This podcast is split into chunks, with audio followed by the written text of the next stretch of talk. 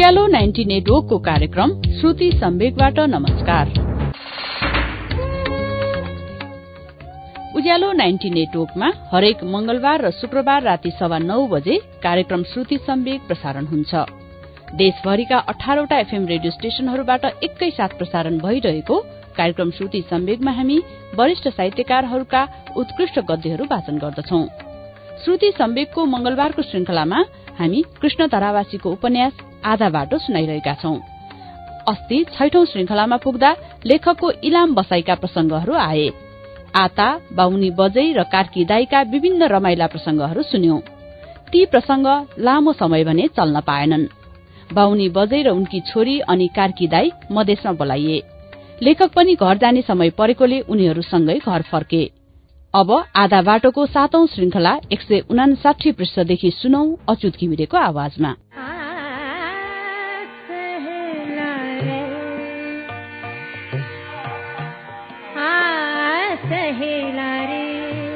दशैंको लागि सामान्य व्यवस्था गरिसक्नु भएको रहेछ आमाले। मैले ल्याएको मध्येबाट दुई सय रुपियाँ मदन अग्रवाललाई लगेर दिएँ। चन्द्राको बिहे गर्दा कपडा ल्याएको बाँकी पाँच सय रुपियाँले मलाई ठूलो समस्या परेको थियो। जहिले पनि बजारमा त्यो बाटो हिँड्दा व्यापारीले बोलाएर त्यो पैसाको कुरा गरिरहन्थे त्यो पैतृक ऋण मेरा लागि साह्रै ठूलो बोझ बनेको थियो। दसैँमा क्याम्पस पढ्न गएका धेरै साथीहरूसँग भेट भयो। म पनि क्याम्पस पढ्न गएको कुरा सुनेर सबै साथीहरू खुसी भए। काशीनाथ नरप्रसाद नरेन्द्रहरू त झन् धेरै खुसी भए। दसैँभरि सञ्जीव र म सँगै भयौँ। राजकिशोर मण्डलसँग नै हाम्रो समय धेरै बित्थ्यो।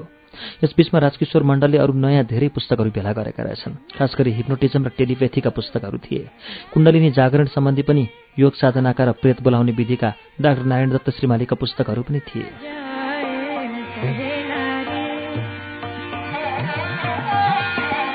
चार महिनापछि नै समाजमा मेरो परिचयमा ठूलो अन्तर आएको थियो। मलाई धेरैले चिनेका थिए। हालखबर सोध्ने पढाइ सोध्ने स्वास्थ्यबारे सोध्ने धेरै भए प्रधान पञ्चले पढ्न पठाएको मान्छे थिएँ म। म कुमार बाबुले माया गरेर तेजिलो केटोलाई आफ्नै घरमा राखेर आफ्नै खर्चले पढाइएको केटो थिएँ। धेरैका नजरमा मैले लोभलाग्दो मौका पाएको थिएँ। कतिले परैबाट औँल्याएर कसैलाई मेरा बारेमा केही भनिरहेको पनि थाहा पाउँथे। मन त्यसै फुरुक्क हुन्थे। खुसी हुन्थे। मलाई आफूले पहिला पाइरहेका सबै दुःखहरूको विस्मरण हुन्थ्यो। समाजमा आफ्नो पनि परिचय बढ्दै जानु भनेको कैयौँ भौतिक दुःखका तुलनामा असीम सुखको अनुभूति बढ्नु रहेछ। आमा भन्नुहुन्थ्यो त पढ्न गएपछि धेरै मान्छेले मलाई तेरा बारेमा सोधपुछ गरे धेरैले चिने जाने जस्तो गरे। छोरो भाग्यमानी रहेछ कुमार बाबु जस्ता मान्छेको हातमा पर्यो। तपाईँको छोरो पछि ठुलो मान्छे हुन्छ भनेर भन्छन् बजारमा। आमाको अनुहारमा देखेको सन्तुष्टिले म सदा प्रसन्न रहन्थेँ। किनकिन मनमा भइरहने हिंताबोध बिस्तारै अस्ताउँदै जाँदै गरे जस्तो लाग्दै गयो। डाक्टर बाह्र कुमार बुढाथोकी जस्ता अभिभावक र संरक्षक पाएको थिएँ। मलाई आफूभित्र ठुला ठुला आँटहरू आउन थाले। केही अप्ठ्यारो परे कुमार दाई छन् डाक्टर बा छन् जस्तो लाग्थ्यो डर हराउँथ्यो।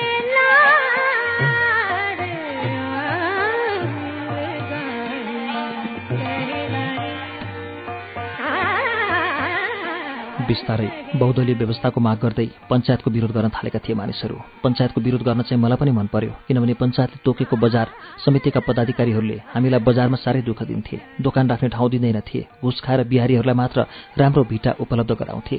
यता कुमारदाई प्रधान पञ्च हुनुहुन्थ्यो मलाई पञ्चायतको विरोध गर्न मन थियो साह्रै अप्ठ्यारोमा परेको थिएँ।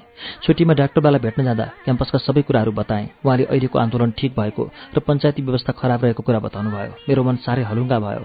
कुमारदाई प्रधान पञ्च भए पनि डाक्टर बा त बहुदलको पक्षमा हुनुहुँदो रहेछ र उहाँले आन्दोलनको समर्थन गर्नुभएको रहेछ।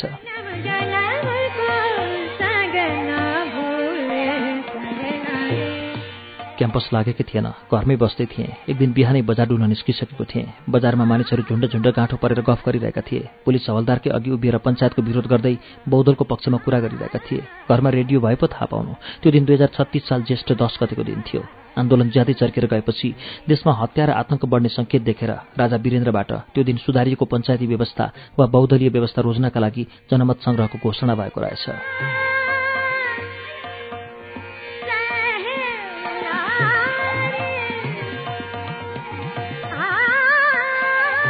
भोलिपल्टदेखि नै बजारमा राजनीतिक भिड लाग्न थालिहाल्यो। गर्मागर्मी बहस हुन थाल्यो। रिजाल बाजेको चिया पसलमा सधैँ सम्मेलन जस्तो हुन थाल्यो। एक एक कप चिया पिएर घन्टौँ ठाउँ ओगट्ने फुच्चे नेताहरूलाई रिजाल बाजेले जबरजस्ती कराएर उठाउनु पर्ने हुन थाल्यो। कोही उच्च कोटीका व्यक्तिहरू पटवारी बाको गद्दीमा भेला हुने र त्यहीँ गफ गर्थे। जनमत सङ्ग्रहको घोषणा भएपछि क्याम्पस लाग्ने सूचना आयो। म लगत्तै क्याम्पस गएँ।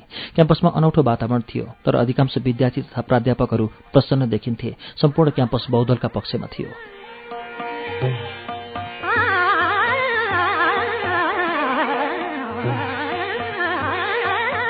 ज्येष्ठ सोह्र गतेका दिन इलाममा पहिलोपल्ट बौद्धलका पक्षमा एक आमसभाको आयोजना गरियो। इलाम क्याम्पसका विद्यार्थीहरूको आयोजनामा चोक बजार इलामको लाँकुरी चौतारोमा बिहिबारको दिन विशाल उपस्थितिमा पञ्चायतको विरोध र बौद्धलको पक्षमा भाषण भयो। क्याम्पसका विद्यार्थीहरू प्राध्यापकहरू धर्म गौतम रामप्रसाद दुलाल दामोदर भट्टराई तोयनाथ भट्टराई केबी गुरुङ आदि धेरै काङ्ग्रेसका नेताहरूले त्यहाँ जोरदार भाषण गरे। अरूले बोलेको सुन्दा सुन्दै मलाई पनि बोल्न मन लाग्यो। जोस चढेर आयो। कार्यक्रम सञ्चालक साथीलाई मैले बोल्ने पालो मागे तर उनले अहिले होइन भन्दै पन्छाइरहे। जति पन्छाए पनि मैले आफ्नो जिद्दी छोडेपछि कार्यक्रमको अन्त्यतिर चार बजे जस्तो बेलामा मेरो पालो आयो। श्रोताहरू पातलिँदै गएका थिए। टाढा टाढाका मानिसहरूलाई घर पुग्ने हतार थियो होला। जे भए पनि पालो आएपछि म माइकको अघि पुगेँ। आदरणीय दाजुभाइ दिदीबहिनीहरू भनेको मात्र थाहा छ। त्यसपछि के के बोले मलाई राम्रो याद छैन। तर श्रोताहरूले लगातार ताली पिटिरहेका थिए। चिया दोकानतिर कता कतातिरबाट मानिसहरू बिस्तारै भाषण सुन्न नजिक नजिक आएको देख्दै थिएँ।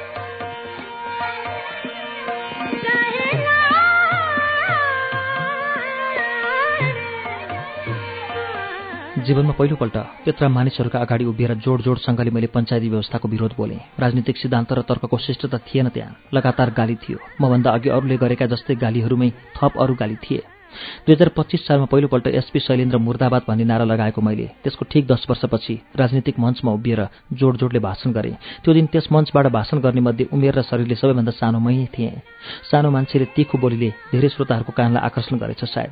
भाषण सकेर तल आएपछि मलाई साथीहरूले सिटी बजाउँदै उचालेर अग्लो बनाउन खोजे। म खुसीले फुलेको थिएँ गम्म परेँ क्या काम गरेँ महान काम गरेँ जस्तो लागेको थियो।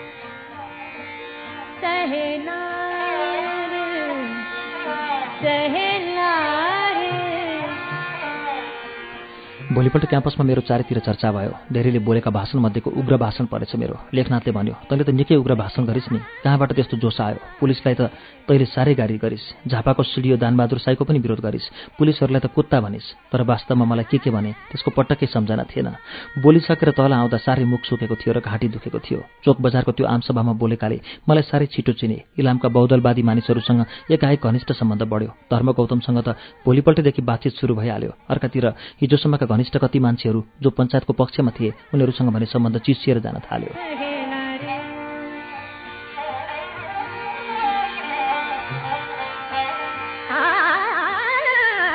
लेखनाथले भन्यो खुब जोसिएर भाषण गरिस् कान्छा कुमार दाईले के भन्ने हुन्? वास्तवमा मैले त्यतापट्टि त सोचेकै थिएन। इलाममा बढेको लोकप्रियतासँगै कुमार दाईको डर पनि आफूभित्र हुर्किएर आयो।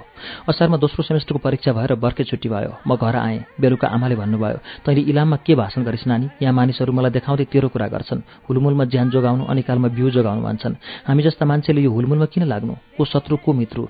यहाँ पनि धेरै मान्छे बौद्धलमा लागेका छन्। कोही आएर छोराले इलाममा राम्रो भाषण गरेछ भन्छन्। कोही आएर छोरालाई सम्झाउनु यस्तो हुलमुलमा नहिँड्नु भन्नु भन्छन्। खै म त केही कुरा बुझ्दिनँ। पढे लेखेको तै छस् आफै बुझ्नु। मैले आमालाई यसो उसो गरेर टालटुल गरेँ तर मनमा एक प्रकारको ठुलो डर उम्रेको थियो। अरूभन्दा पनि कुमार दाईले के भन्ने हुन् भन्ने ठुलो पिर थियो। भोलिपल्ट बजार निस्केँ। मानिसहरू काठ लागेर बजारमा पोका पोका देखिन्थे। धेरैले मलाई बौद्धको भाषण गरेकोमा स्याबासी दिए। बमबहादुर काफले भिनाजुले त साह्रै खुसी मानेका थिए। पटवारी बाका गद्दीमा ठुलाबडा मानिसहरू बसेर गफ गरिरहेका थिए। परैबाट देखेँ कुमार दाई पनि त्यहीँ थिए। बिस्तारै अप्ठ्यारो मान्दै गएँ। सबैलाई नमस्ते गरेँ। पटवारी बाले हालखबर सोध्नुभयो। र कुमार दाईलाई मेरो विषयमा धन्यवाद दिनुभयो। कुमार दाईले केही सोध्नुहुन्छ कि भने अप्ठ्यारो मानी मानी निकै बेर बसेँ। पहाडको घर व्यवहारको बाहेक राजनीतिक कुरो पटक्कै निकाल्नु भएन। साह्रै अप्ठ्यारो लाग्यो।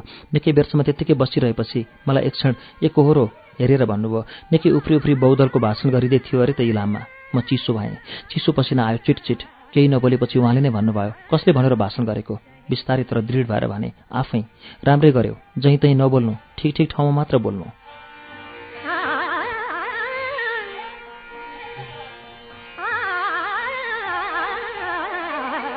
शरीर फुलको थुङ्गो जस्तो हलुको भयो। नमस्ते गरेर उठेर हिँडेँ। बजारमा अरूका मुखबाट सुने उहाँले बौद्धलको समर्थन गर्दै प्रधानपञ्च पदबाट राजीनामा दिइसक्नु भएको रहेछ। म पूर्ण रूपमा बौद्धलवादी भइसकेको थिएँ। अब म खुलेर तर्क र बहस गर्न थालेँ।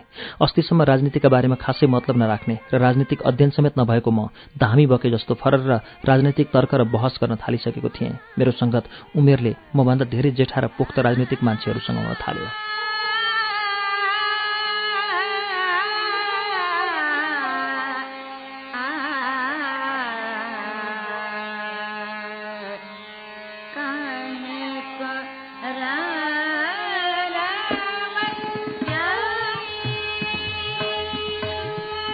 वर्षमा आता निकै बढेकी थिए। उसको बोलीचाली व्यवहार र सोचाइमा निकै फरक आउन थालेको थियो। काली भए पनि हिस्सी परेकी चिल्लो कालो अनुहार भएकी परिपक्व आइमाई जस्तै लाग्न थालेकी थिए। बाहुनी बजेको दबावबाट मुक्त भएपछि ऊ धेरै स्वतन्त्र भएकी थिए। बात भान्सामा पनि सिपालु घर आँगन बढार्ने सफा सुग्घर हुन थालेकी थिए। आताले विशेष रूपले मेरो ख्याल गर्न थालेकी थिए। प्राय केही पनि काम मैले गर्नु पर्दैन थियो। बाख्रालाई घाँस काट्ने धान कुट्ने मकै पिँध्ने आँगनको झारो खेल्ने धारोबाट पानी ल्याउने आदि सबै काम उनै गर्थे। मलाई भन्थे भट्टराई दाजु तपाईँ पढ्नु यस्ता काम सबै म गरिहाल्छु नि। शनिबारका दिन लुगा धुन पनि सघाउँथे। एक दिन त्यसले भने भट्टराई दाजु अबदेखि तपाईँ बैदारले पकाएको भात नखानु। किन? आज यिनीहरूले मरेको गोरुको मासु ल्याएका छन् घरमा फोहोरी आताको कुरा सुनेर साह्रै घिन लाग्यो तर म बैदारलाई बहिष्कार गर्न सक्दिनथेँ। असार लागेपछि आता पनि मधेस जाने भए।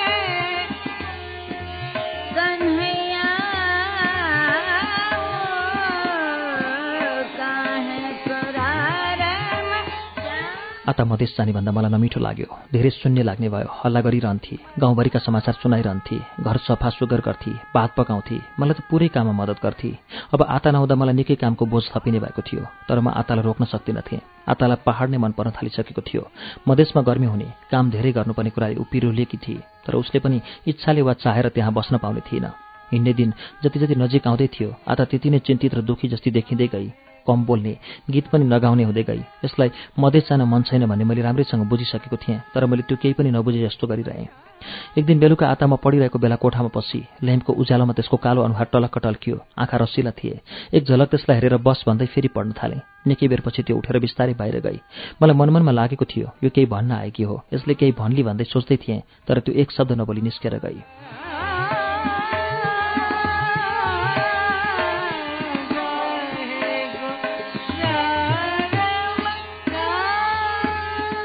मैले उसलाई आफ्नो कोठामा आएको बेला सोध्नु पर्थ्यो। मैले केही वास्ता नगरेपछि ऊ जानु स्वाभाविक थियो। ऊ उसको कोठामा पुगेकी थिए होला। मैले नै जोडले बोलाएँ। त्यो बोलिन पनि आइन पनि। भोलिपल्ट बिहिबारको दिन थियो। बिहिबार बिहान छ बजेदेखिको क्लास हुने हुनाले म पाँचै बजे तयार भइवरि क्याम्पस गएँ। एघार बजेतिर क्याम्पसबाट आउँदा आता घरमा थिएन। अघेरामाथि तातोमा छोपेर राखिदिएको खाना खाएँ।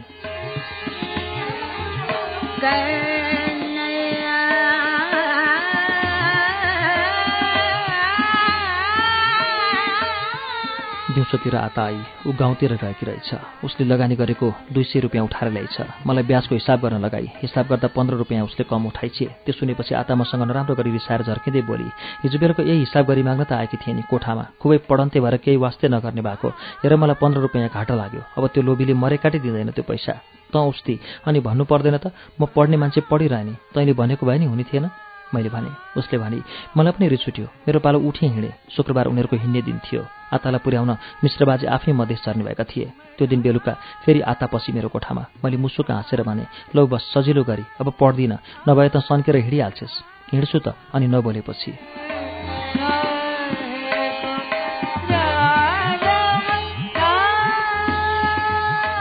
एकछिनसम्म चुपचाप भएपछि मैले नै भने हे राता अब त मधेस जाँदैछस्।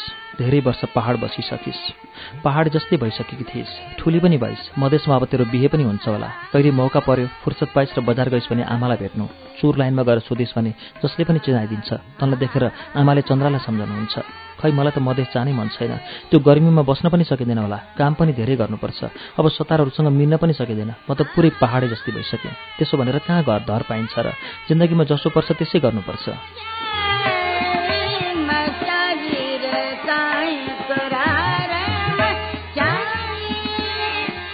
कुरा गर्दा गर्दै त्यो रुन थाली। सुक्क सुक्क गर्दै आँसु झार्दै सिँगान पुस्दै गर्न थाली।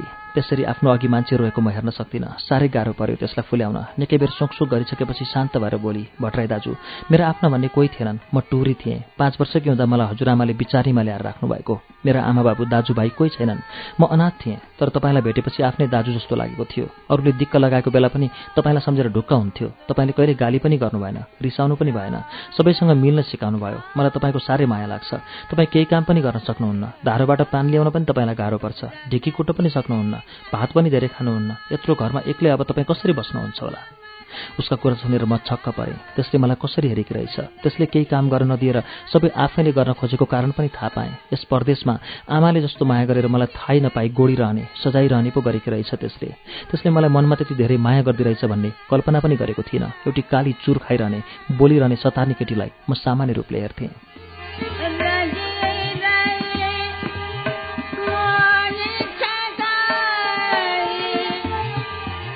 त्यसले भनी भट्टराई दाजु तपाईँ धेरै पढ्नु ठुलो मान्छे हुनु। मधेसमा आउनुभयो भने भेट हुन्छ नै होला। भोलि त म गइहाल्छु। तपाईँलाई निकै दिन पुग्ने गरी मकैको चामल पिँधेर राखिदिएकी छु। हिजै धान पनि कुटेको छ। धानको चामल चाहिँ आफ्नै कोठामा ल्याएर राख्नुहोला उसको कुराले म भावुक बन्दै गएँ। उसले मेरो लागि कति सोचेकी रहेछ ख्याल गरेकी रहेछ। आफूले थाहा नपाए पनि आफ्नो बारेमा राम्रो र नराम्रो सोच्नेहरू भइरहँदा रहेछन्। मैले आतालाई यो एक वर्षमा त्यस्तो कुनै विशेष गुण नलगाएकै भए पनि त्यसले मलाई जुन ढङ्गले सहयोग गरेछ त्यसबाट म आश्चर्यचकित बने।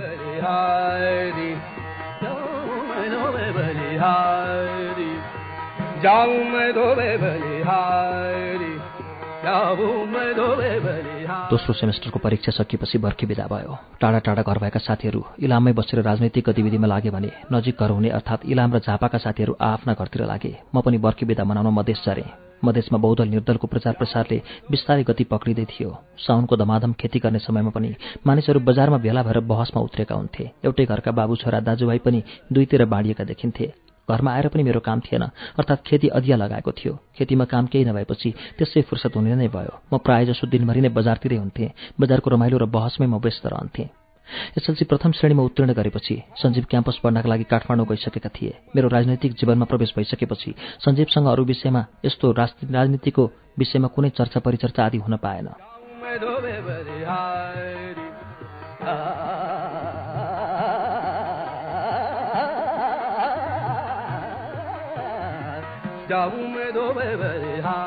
प्राय दिनमा एकपल्ट प्रचार कार्यालयबाट बौद्धलका पक्षमा भाषण हुन्थ्यो।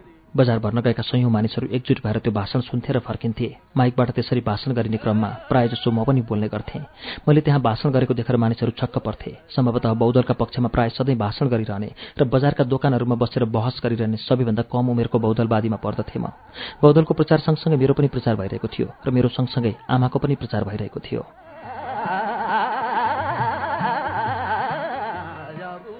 छुट्टीमा झापा आएर पनि म साह्रै व्यस्त रहेँ। आमाले हरेक दिन बेलुका सम्झाउनुहुन्थ्यो हुलमुलमा नजानु। त सानैदेखि यस्ता हुलमुलमा कुद्छस्। पोहोर पनि एसपी शैलेन्द्रे भन्ने लडाइँमा झन्डै किचेर मरिस। बुबाले कति पिट्नु भयो? अब त ठुलो भइस। म उहाँलाई सम्झाउँथेँ। कुमार दाईले भनेको ठाउँमा मात्र जान्छु। आमा बोल्नु हुँदथ्यो त्यो वर्ष क्याम्पसको पढाइ नाम मात्रको थियो। क्याम्पसमा पढ्ने र पढाउने मनस्थिति शून्य बराबर थियो। विद्यार्थी प्राध्यापक सबै राजनीतिक यज्ञमा होमिसकेका थिए। तैपनि औपचारिकता पूरा गर्ने प्रकारको पढ्ने र पढाउने काम भइरहेको थियो। सानो सानो कुरामा विद्यार्थीहरू न्यु खोजेर हडताल गरिरहन्थे।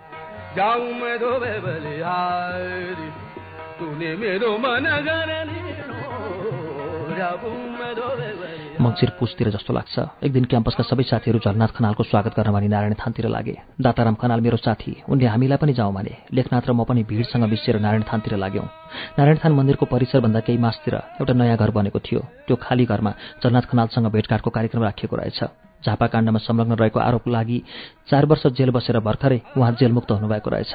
हामी सबैले लाइन लागेर उहाँलाई भेट्यौँ। उहाँले पालै पालो सबै विद्यार्थीहरूसँग हात मिलाउनु भयो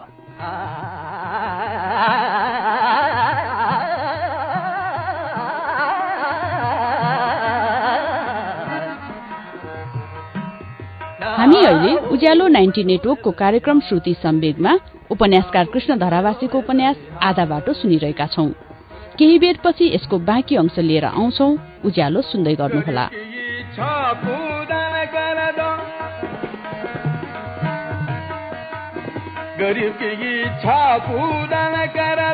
तो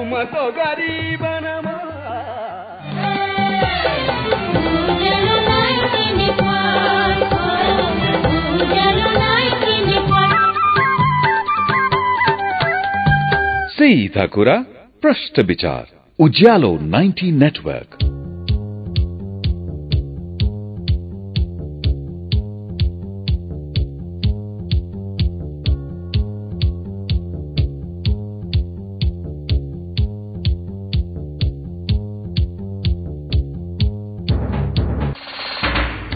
कार्यक्रम श्रुति सम्वेक तपाईँ अहिले उज्यालो नाइन्टी नेटवर्क काठमाडौँसँगै इलाम एफएम झापाको एफएम मेची ट्युन्स बर्दिवासको रेडियो दर्पण दोलखाको कालिचोक एफएम वीरगंजको नारायणी एफएम हेटौडा एफएम चितवनको रेडियो त्रिवेणीमा सुनिरहनु भएको छ। त्यसै गरी तनहुको मादिसेती एफएम थलेवासको रेडियो पर्वत गुल्मीको रेडियो रेसुङ्गा पोखराको रेडियो तरंगमा पनि श्रुति सम्वेक सुन्दै हुनुहुन्छ। अनि रेडियो प्युठान दाङको रेडियो मध्यपश्चिम भेरीको रेडियो कोहलपुर सल्यानको रेडियो राप्ती सुर्खेतको रेडियो भेरी र जुम्लाको रेडियो कर्णालीबाट पनि अहिले एकैसाथ श्रुति सम्वेक प्रसारण भइरहेको छ। श्रुति सम्वेकको आजको श्रृंखलामा हामी कृष्ण धरावासीको उपन्यास आधा बाटो सुनिरहेका छौं। उपन्यासको बाँकी अंश अब सुनौ।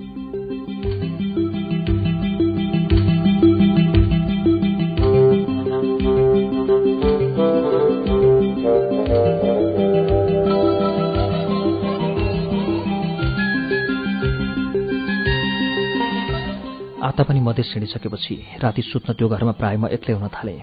दाई प्राय जसो राति सुत्न आफ्नै घरतिर जान्थे। उनी घरतिर सुत्न गएका बेला आफ्ना साना छोराछोरीहरू साथी पठाइदिन्थे। काले काली आदि नाम राखेका थिए छोराछोरीका। तामाङ भए पनि आफू फोहोरी भए पनि उनकी श्रीमतीले छोराछोरीहरूलाई पनि बडा सफा सुगर राखेकी थिइन्। श्रिमफिङ स्कुलकै छेउमा उनको घर थियो तर छोराछोरीहरूलाई पढाउनु पर्छ भन्दा उनी जोसिँदै भन्थे म केही नपढेको मान्छे छत्तिस मौजाको बैदार भएँ अलिअलि अक्षर चिनाइदिएकी छु जति गरी खान्छन्। हामी गरिबले धेरै पढाउन कहाँ सक्छौँ? पढ्नेको जिउ बिग्रिन्छ काम गरी खान सक्दैनन्। यी हेर्नुहोस् न तपाईँकै जिउ यो जिउले पछि के गरी खानु? उनका कुरा मलाई अनौठा लाग्थे। सोच्दै नसोचेको तर्कहरू हुन्थे उनका।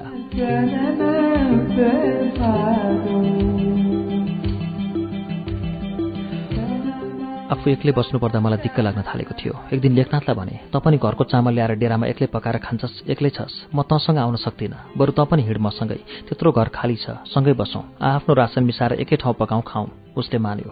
लेखनाथले मानेको दिन म साह्रै हर्षित भएँ। जति बेला पनि हामी सँगै हुन्थ्यौँ डेरा मात्र अलग। अब बसाइ पनि सँगै हुने भयो। लेखनाथको थोरै सरसामान लिएर आयौँ। मिश्र बाजेलाई मैले आफ्ना कठिनाई बताएँ। उहाँले स्वीकृति दिनुभयो। तर लेखनाथ म जस्तो एकहोरो र अल्छी थिएन। म पढिरहँदा लेखिरहँदा पनि ऊ भने बाहिर फेर यताउता के के के के गरिरहन्थ्यो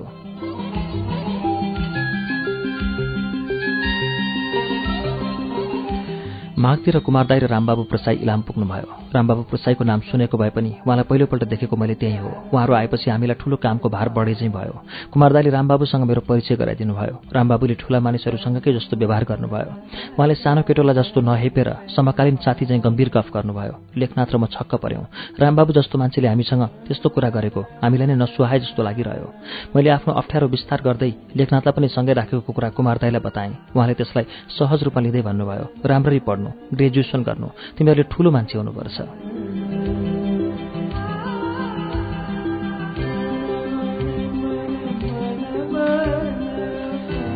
कुमारदाईको व्यवहार देखेर लेखनाथ चकित भएको थियो। म कसरी यहाँ पढ्न पठाइएको हुँ? भन्ने कुरा त मैले उसलाई बताइसकेको थिएँ। तर त्यो दिन कुमारदाईले उसँग गरेको व्यवहार पनि उस्तै पाउँदा ऊ चकित भएको थियो। त्यसबेला उहाँहरू तीन दिन जति बस्नुभयो हामीले नै खाना बनाएर खुवायौँ। विद्यार्थीको पाकसेप के थियो र? तर उहाँहरूले बडा प्रशंसा गर्दै हामीले पकाएको नमिठो खाना खानुभयो। उहाँहरूलाई भेट्न गाउँभरिका मानिसहरू हुन्थे। दिउँसो त घरमा मेलै लाग्थ्यो।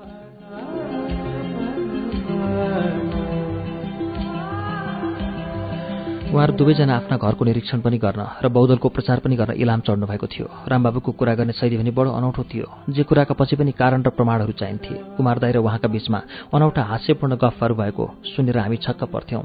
उहाँहरू दुवैको सरल र सहज प्रस्तुतिले लेखनाथ र मलाई उहाँहरूप्रति सहज हुन सजिलो भयो। तीन दिन उहाँहरू बस्दा हामी त झन्डै साथी जस्ता पो भइसकेछौँ।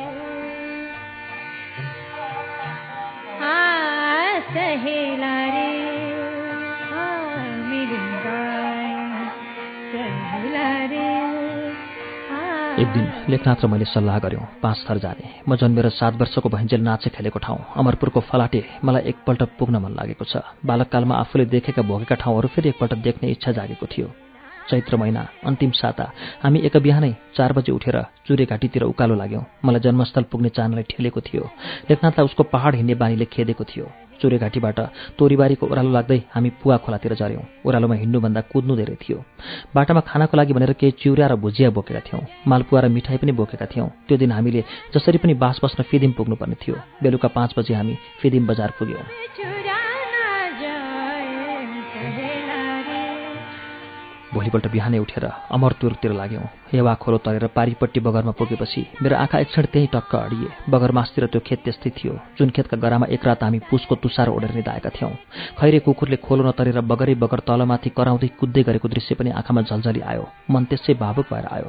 मैले लेखनाथलाई देखाउँदै भने लेखनाथ हेर त्यही खेत हो जहाँ हामी गलेर लखतरान परेर सुतेका थियौँ र त्यही बगर हो खैरे कुकुर छोडिएको ठाउँ। तँलाई अझै सम्झना छ र? मैले भने मलाई एकपल्ट फेरेको सासको पनि गन्ती छ आज छ हेर लेखनाथ। हामी हामीले कस्ता दिनहरू पार गरेर हिँडेका थियौँ। आज तेह्र वर्षपछि मेरा ती साना पाइलाका डामहरू यी उकालीहरूमा खोजिरहेछु म।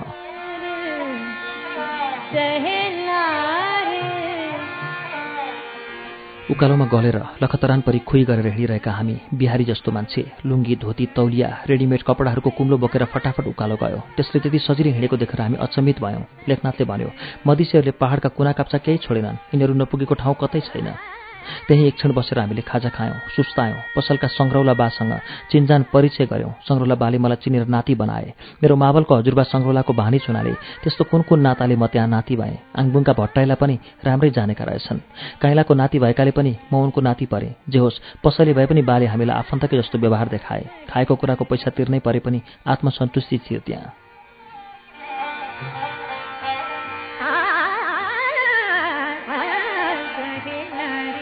आँखाले हेऱ्यो वारिपारी सबैतिर पहाडै पहाड छ तर त्यो पहाड चाहिँ मलाई आफ्नो पहाड जस्तो लाग्थ्यो। चिने जानेको आत्मीय जस्तो तल तमोर नदी ठुलो स्वर गरेर मधेसलाई ताकेर बगिरहेको थियो। त्यही नदीको निकै माथि एकापट्टिको पाखामा हाम्रो गाउँ छ भन्ने सम्झना साथ मन कस्तो कस्तो भएर आयो। किनौरामा वस्तु पाखा लगाएर तमोरको चिसो पानीमा शरीर चोप्दै किनारको तातो बालुवामा आएर लडीबुडी गरी घाम तापेको स्मरण आयो। कति बेला पुग्न पाइला जस्तो लागिरहेको थियो मनमा। यो यात्रामा लेखनाथ र म आपसमा अपरिचित जस्तै भइसकेका थियौँ। म मेरो बाल्यकालमा पूर्णतया डुबिसकेको थिएँ। ऊ भने जीवनमा पहिलोपल्ट एकपल्ट ती पहाड र ढुङ्गाहरूलाई देखिरहेको थियो। सुभाङ खोलो तरेर पारिपट्टिको उकालो चढ्दै गर्दा माथि चौतारोमा एउटा भरिया डोको बिसाएर बसिरहेको देख्यौँ। बिस्तारो हिँड्दै हामी पनि त्यहीँ पुग्दा पनि भरिया बसिरहेको थियो। उसको शरीरको पसिना उभाउन लागेको थियो।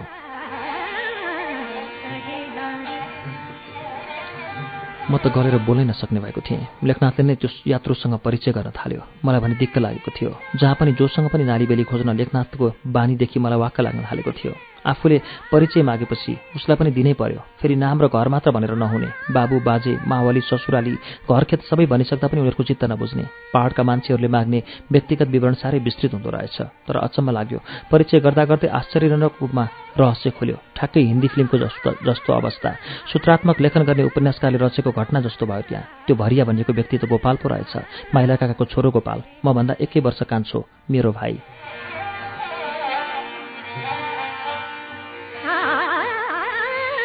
म त्यसलाई हेरेको हेरै भएँ। त्यो गोपाल हो भन्ने त्यसको अनुहार शरीर कहीँ पनि चिनो मानो थिएन। ढुङ्गामा बसेर त्यसले चुर तानिरहेको थियो। डोकोमा एउटा नयाँ कराई किनेर हालेको थियो। अरू के के खित्रिङ मित्रिङ सामानहरू थिए। मैले त्यति सानोमा छोडेको गोपाल त्यत्रो ठुलो भएको ढाकर बोक्ने भएको निरक्षर र सोझो भएको देख्न पाएको खुसी तथा उसले उठाइरहेको पहाडे बोझ देखेर घोर दुःख लाग्यो। चिनेपछि त्यसले मलाई दाजु मानेर ढोग्यो। हामी खुसी हुँदै बात मार्दै बिस्तारै उसकै भारीको सारमा बाटो लाग्यौँ। फलाटे पुग्दा सास परेको थियो तर बेलुकै म फलाटे आइपुगेको हल्ला भएछ। भोलिपल्ट बिहानै मलाई हेर्न भनेर मेरा पुराना साथीहरू भेला भए तर कोही पनि मेरा साथी जस्ता थिएनन्। सबै ठुला ठुला मान्छेहरू भएका थिए। मैले जुन अनुहार यहाँ छोडेर गएको थिएँ त्यो अनुहार त त्यहाँ एउटा पनि थिएन। मेरै अनुहार पनि अर्कै भइसकेको प्रतिक्रिया गरे सबैले। ज जसलाई देख्छु मन भावुक भएर आउँछ। मन केटाकेटी जस्तो हुँदै गयो।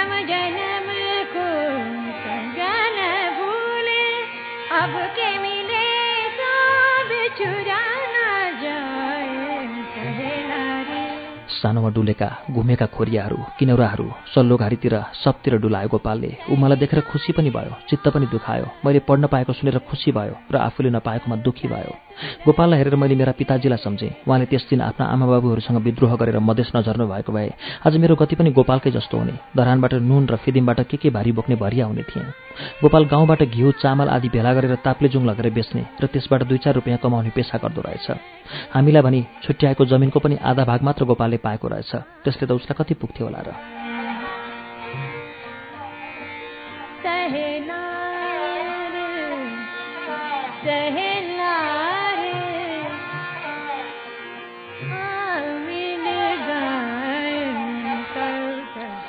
घर त्यही थियो। तर अब त्यहाँ हजुरबा हजुरआमा काकाहरू कोही थिएनन्। त्यो मूल घर नै अरू कसैलाई बेचिएको थियो। गएर हेरेँ त्यो आँगन त्यो मटान त्यो कोठेबारी सब त्यही हो। खैरी कुकुर बाँध्ने पेटी पनि त्यही हो। मूल ढोका त्यही हो। तर अब त्यो हाम्रो थिएन। त्यसमा हाम्रोपन थिएन। आँखाभरि आँसु भरियो। गला अवरुद्ध भएर आयो। भलमा तर नसकिने खोल्छो गोपाल लुकेको मटानको कुनो। लुकी खेल्ने बाख्राको खोर। सबै उही भए पनि उस्तै थिएनन्। मलाई बित्थामा आइएछ। नआउनु पर्ने रहेछ जस्तो लाग्यो। मनमा त्यसलाई जसरी सजाएर राखेको थिएँ अब त्यो त्यस्तो अवस्थामा थिएन। तर पनेरामा आँपका रुखहरू यथावत थिए। पानी सुकेर पनि धारोमा तिरतिर बगिरहेको थियो। तल देखिने तमोर नदी र जङ्गलहरू उस्तै थिए। तमोर नदीको स्वाँ गरेको आवाज उस्तै थियो। मलाई आमाको काखमा टाउको राखेर निधाउन पाए जस्तै एक प्रकारको आनन्द पनि लाग्यो।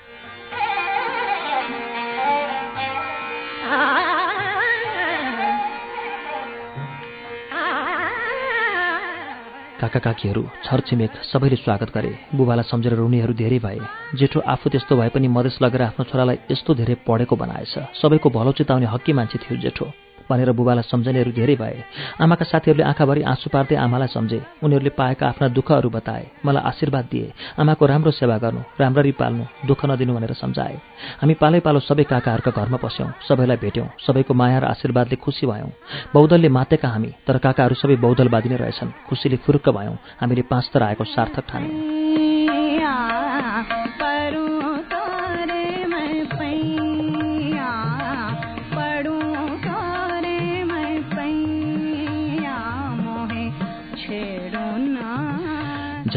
जति चुनाव नजिक आउँदै थियो। दुवै पक्षमा उत्तेजना बढ्दै जाँदै थियो। तर्क वाद विवाद र ठाउँ ठाउँमा झडपहरू पनि भइरहेका थिए। प्रचार प्रसारकै सिलसिलामा झिलझिलेमा दारासिंह र किङकिङ भन्ने दुईजना पाँच छ पक्षका गुण्डाहरूको ठूलो दबदबा थियो।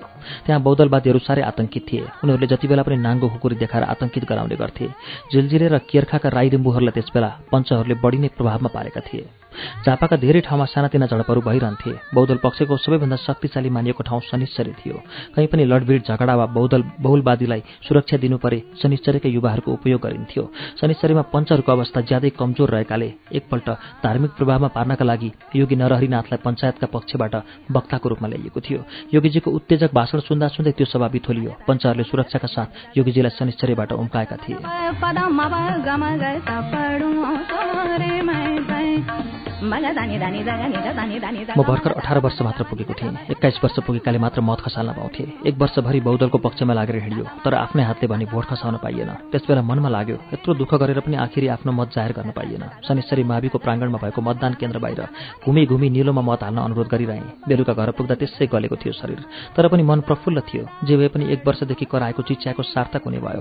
बौद्धलले जित्ने भयो उज्यालो थियो मेरो अनुहार। आमालाई सोधेँ मत खसाल्न अप्ठ्यारो त भएन होला नि? ठाउँ उज्यालै थियो भन्थे होइन? उहाँले भन्नुभयो ठाउँ त उज्यालै थियो प्रष्टै देखिन्थ्यो तर मैले त काम बिगारेँ नि नानी। आमाको अनुहार अपराधीको जस्तो भयो। उहाँको अनुहार मेरा अघि कहिले त्यस्तो भएको थिएन। के भयो र के बिग्रियो?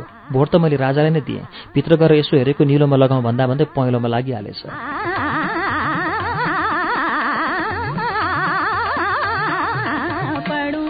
आमाको कुराले म हरियो भएँ। कल्पनै गरेको थिइनँ आमाले त्यसो गर्नुहोला भन्ने। मलाई ठुलो शोक पर्यो। बोल्नै सकिनँ। मलाई चुप लागेको देखेर आमाले भन्नुभयो मेरो एउटा भोटले के हुन्छ र नानी? चित्त नदुखा। हेर्न मलाई निलोमै दिन मन थियो तर भोट हाल्ने बेलामा राजालाई झलझली सम्झेँ। बौद्धल नभएर के हुन्छ र? तर राजा बिना कसरी बाँच्ने भन्ने लाग्यो। मैले एक वर्षसम्म लागेर पनि आफ्नै आमालाई राजा र बौद्धल साटोपाटो होइन। बौद्धलभित्र राजा रहन्छन् भनेर विश्वासै दिलाउन सकिनछु जब आमाले पनि पहिलोमा भोट हाले भन्नुभयो मलाई अब बौद्धलले हार्ने रहेछ जस्तो लाग्यो। मेरी आमा जस्ता देशका लाखौँ मान्छेहरूको दिमागमा नै पञ्चायत र राजा एकै हो भन्ने परेको रहेछ। भन्ने बुझेपछि भने बौद्धले जित्ने आधार सकिएको थियो। मन त्यसै त्यसै पिरोलियो मलाई पिर परेको देखेर आमाले ठूलो पश्चाताप गर्नुभयो। उहाँले मलाई सम्झाउन फकाउन थाल्नुभयो। आमासँग मलाई कुनै चित्त दुखाइ थिएन तर जीवनको सबैभन्दा मन परेको र आफ्नो वस्तुसँग बिछोडिँदै गरेको जस्तो अनुभूति भइरह्यो मनमा।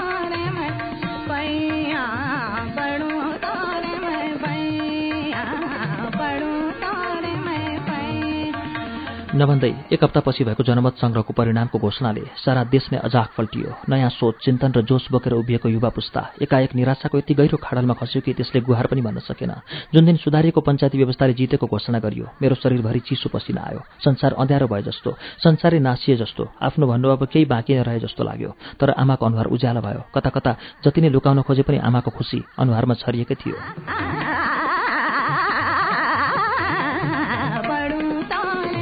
एउटै घरभित्र आमा र म खुसी र दुःखमा बाँडिएका थियौँ। एउटै घटनाले दुईजनामा पार्ने प्रभाव नितान्त विपरीत ध्रुवीय थिए। आमाको सबैभन्दा प्रिय पुत्र म त्यो दिन मनमा नै रोइरहेको बेला उहाँ मेरो रुनुमा अफसोस मान्दै आफू हाँसिरहनु भएको थियो अनि मलाई लाग्यो आफ्नो मनको निर्णयले मान्छेलाई दिने सुखभन्दा ठूलो अर्को कुनै सुख हुन सक्दैन।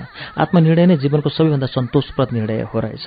जीवनमा सबैभन्दा प्रिय वस्तु नै आत्मनिर्णय र छनौट रहेछ। अचम्म लाग्यो मलाई। मलाई लाग्थ्यो आमाले मेरो कुनै कुरा पनि काट्नुहुन्न। आमाले र मैले जति दुःख जीवनमा भोग्यौँ त्यसले हामीलाई जति नजिक पारेको छ त्यति अरू कोही पारेको छैन। आमा र मेरो बिचमा कहिल्यै कुनै विषयमा विमति थिएन। उहाँले मेरो खुसीका निम्ति जति दुःखहरू गर्नुभएको थियो त्यसले मलाई लाग्थ्यो आमाको एकमात्र आत्मतत्वमै हुँ।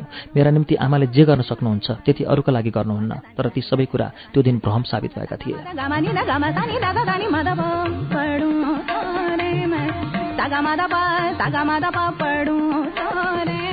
जनमत सङ्ग्रहको परिणामको घोषणा भइसकेपछि मलाई घरमा बस्नै मन लागेन। बाहिर फेर पञ्चहरूको फुर्तीले विरक्त भएर घर आउँदा घरमा आमाको अनुहार देख्थेँ पहिलोमा छाप हानेको हात झुन्डिएको। कहिलेकाहीँ आमासँग पनि रिस उठ्थ्यो। घरमा बस्नुभन्दा हिँडिहाल्नु जस्तो लाग्थ्यो। क्याम्पस लाग्न बाँकी हुँदाहुँदै म इलाम हिँडेँ। तेस्रो सेमेस्टरको परीक्षा असारमा थियो। राजनीतिक दबाव दिमागबाट उत्रिसकेको थिएन। क्याम्पसमा धेरै वाम साथीहरूलाई जनमत सङ्ग्रहको परिणामले त्यति असर गरे जस्तो देखिन। लेखनाथ सिक्किमबाट फर्केको थिएन। मलाई उदास उदास लागिरहेको थियो समय। इलाममा पनि बौद्धलवादीहरूको चालचुल हराइसकेको थियो। चारैतिर सुनसान र चकमन्न जस्तो लागिरहेको थियो।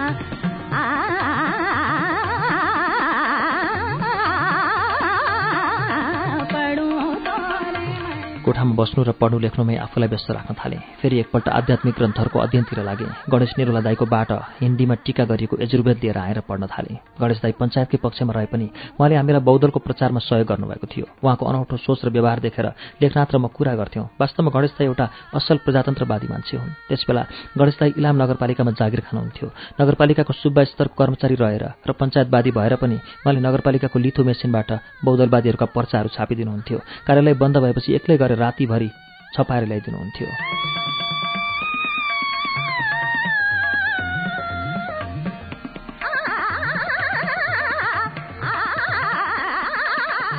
क्याम्पस अध्ययन बाहेक फाल्टु समयमा साहित्यिक क्षेत्रलाई नै प्रमुख बनाउन थाल्यौँ हामीले। कवि गोष्ठीहरूको आयोजना गर्ने कोठे गोष्ठीहरू गर्ने एकअर्काको शून्य सुनाउने गर्दा गर्दै एक दिन गणेशताले एउटा पत्रिका निकाल्ने प्रस्ताव राखे। पत्रिका निकाल्ने कुरा उत्साहजनक थियो तर आर्थिक कठिनाई हाम्रो अगाडि पहाड चाहिँ उभियो। आर्थिक अभावबाट जोगिँदै पत्रिका निकाल्ने एउटा उपाय सोच्यौँ हस्तलिखित पत्रिका सम्पादन गर्ने।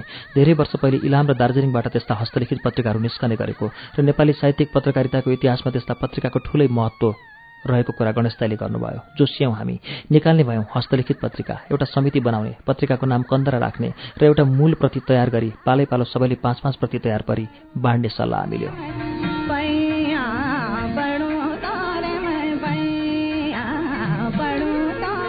सोही सल्लाह अनुसार एउटा यस्तो समिति गठन भयो। कन्दरा परिवार इलाम दुई हजार सैतिस अध्यक्ष कृष्ण धरावासी उपाध्यक्ष केशवराज पौडेल सचिव दुर्गा शर्मा भट्टराई सहसचिव पदम नेपाल कोषाध्यक्ष गणेश निरौला सदस्यहरू कोमल निरौला मुकेश गजमेर सञ्जीव उप्रेती पुष्पराज प्रधान जसुदा खाकी उदय निरौला विष्णु शर्मा भट्टराई सूर्य पौडेल प्रकाश बुढाथकी प्रेम घिसिङ नेत्र आचार्य टीका पौडेल व्यवस्थापन समिति संयोजक लेखनाथ भट्टराई सदस्य युवराज अधिकारी सागर वन जसुदा राई। यसरी तयार भएको समितिले कन्दराको प्रथम हस्तलिखित पत्रिका दुई साल श्रावण मसान्तमा निकाल्यो। बडा उत्साहका साथ सबैले चाँडै चाँडै सारेर आपसमा बाँड्यौँ। क्याम्पस पुस्तकालयहरू र विशिष्ट पाठकहरूलाई उपलब्ध गरायौँ। हाम्रो त्यो उत्साह र जाँगर देखेर पाठकहरू अचम्मित र खुसी भए।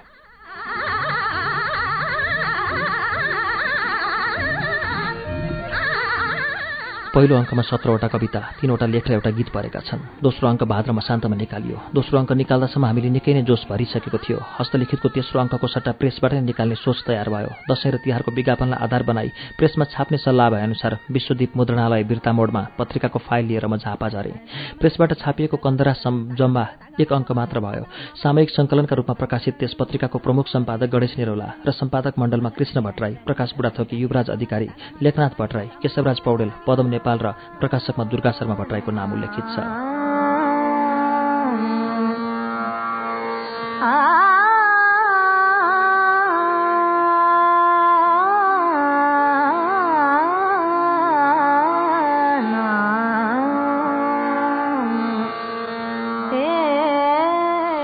त्यस बेलासम्म मैले आफ्नो उपनाम पूर्ण रूपमा प्रयोग गर्न थालिसकेको थिएन। त्यसै भएर सम्पादक मण्डलमा मेरो नाम कृष्ण भट्टराई नै छापिएको छ। तर यसै पत्रिकाबाट फेरि मेरो नामका पछि धरावासी उपनामको पनि प्रकाशन प्रारम्भ भएको छ।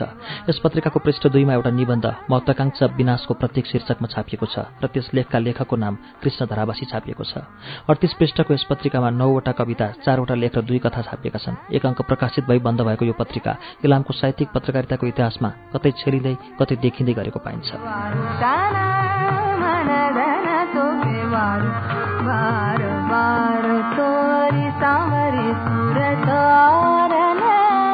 पौष महिनामा चौथो सेमेस्टरको परीक्षा समाप्त भयो। परीक्षा लिइसकेपछि साथीहरू खुरुखुरु विदा हुँदै घरतिर लाग्न थाले। हामीले एकअर्काका ठेगानाहरू लियौँ पत्राचार गरिरहने वचन आदान प्रदान गऱ्यौँ एकअर्कालाई नभुल्ने कसम खायौँ। तर त्यसरी छुट्टिएर हिँडेपछि अधिकांश साथीहरूसँग भेटघाट हुन सकेन। को को कहाँ कहाँ पुगे के भए आदि तर धेरैजसोले बिएड गरेको र विद्यालयमा शिक्षक भएका समाचारहरू पनि प्राप्त भइ नै रहे।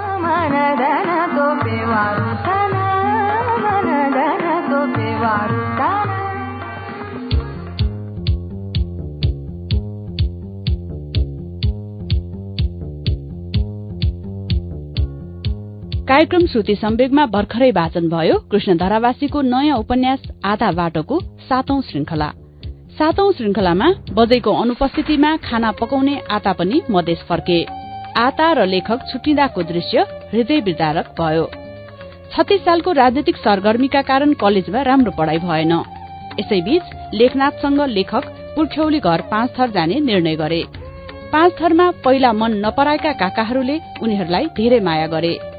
त्यसै बेला जनमत संग्रह भयो र त्यसको परिणाम सोचे भन्दा विपरीत निस्कियो। दुई हजार सैतिस सालमा लेखकले साथीहरूसँग मिलेर कन्दरा भन्ने पत्रिका निकाले। कलेजको पढ़ाई सकिएपछि सबै साथीहरू छुटिएसम्मको प्रसंग पुग्दा आज हामीले एक सय उनान्से पेजमा पुगेर आधा बाटोको वाचन रोकेका छौं।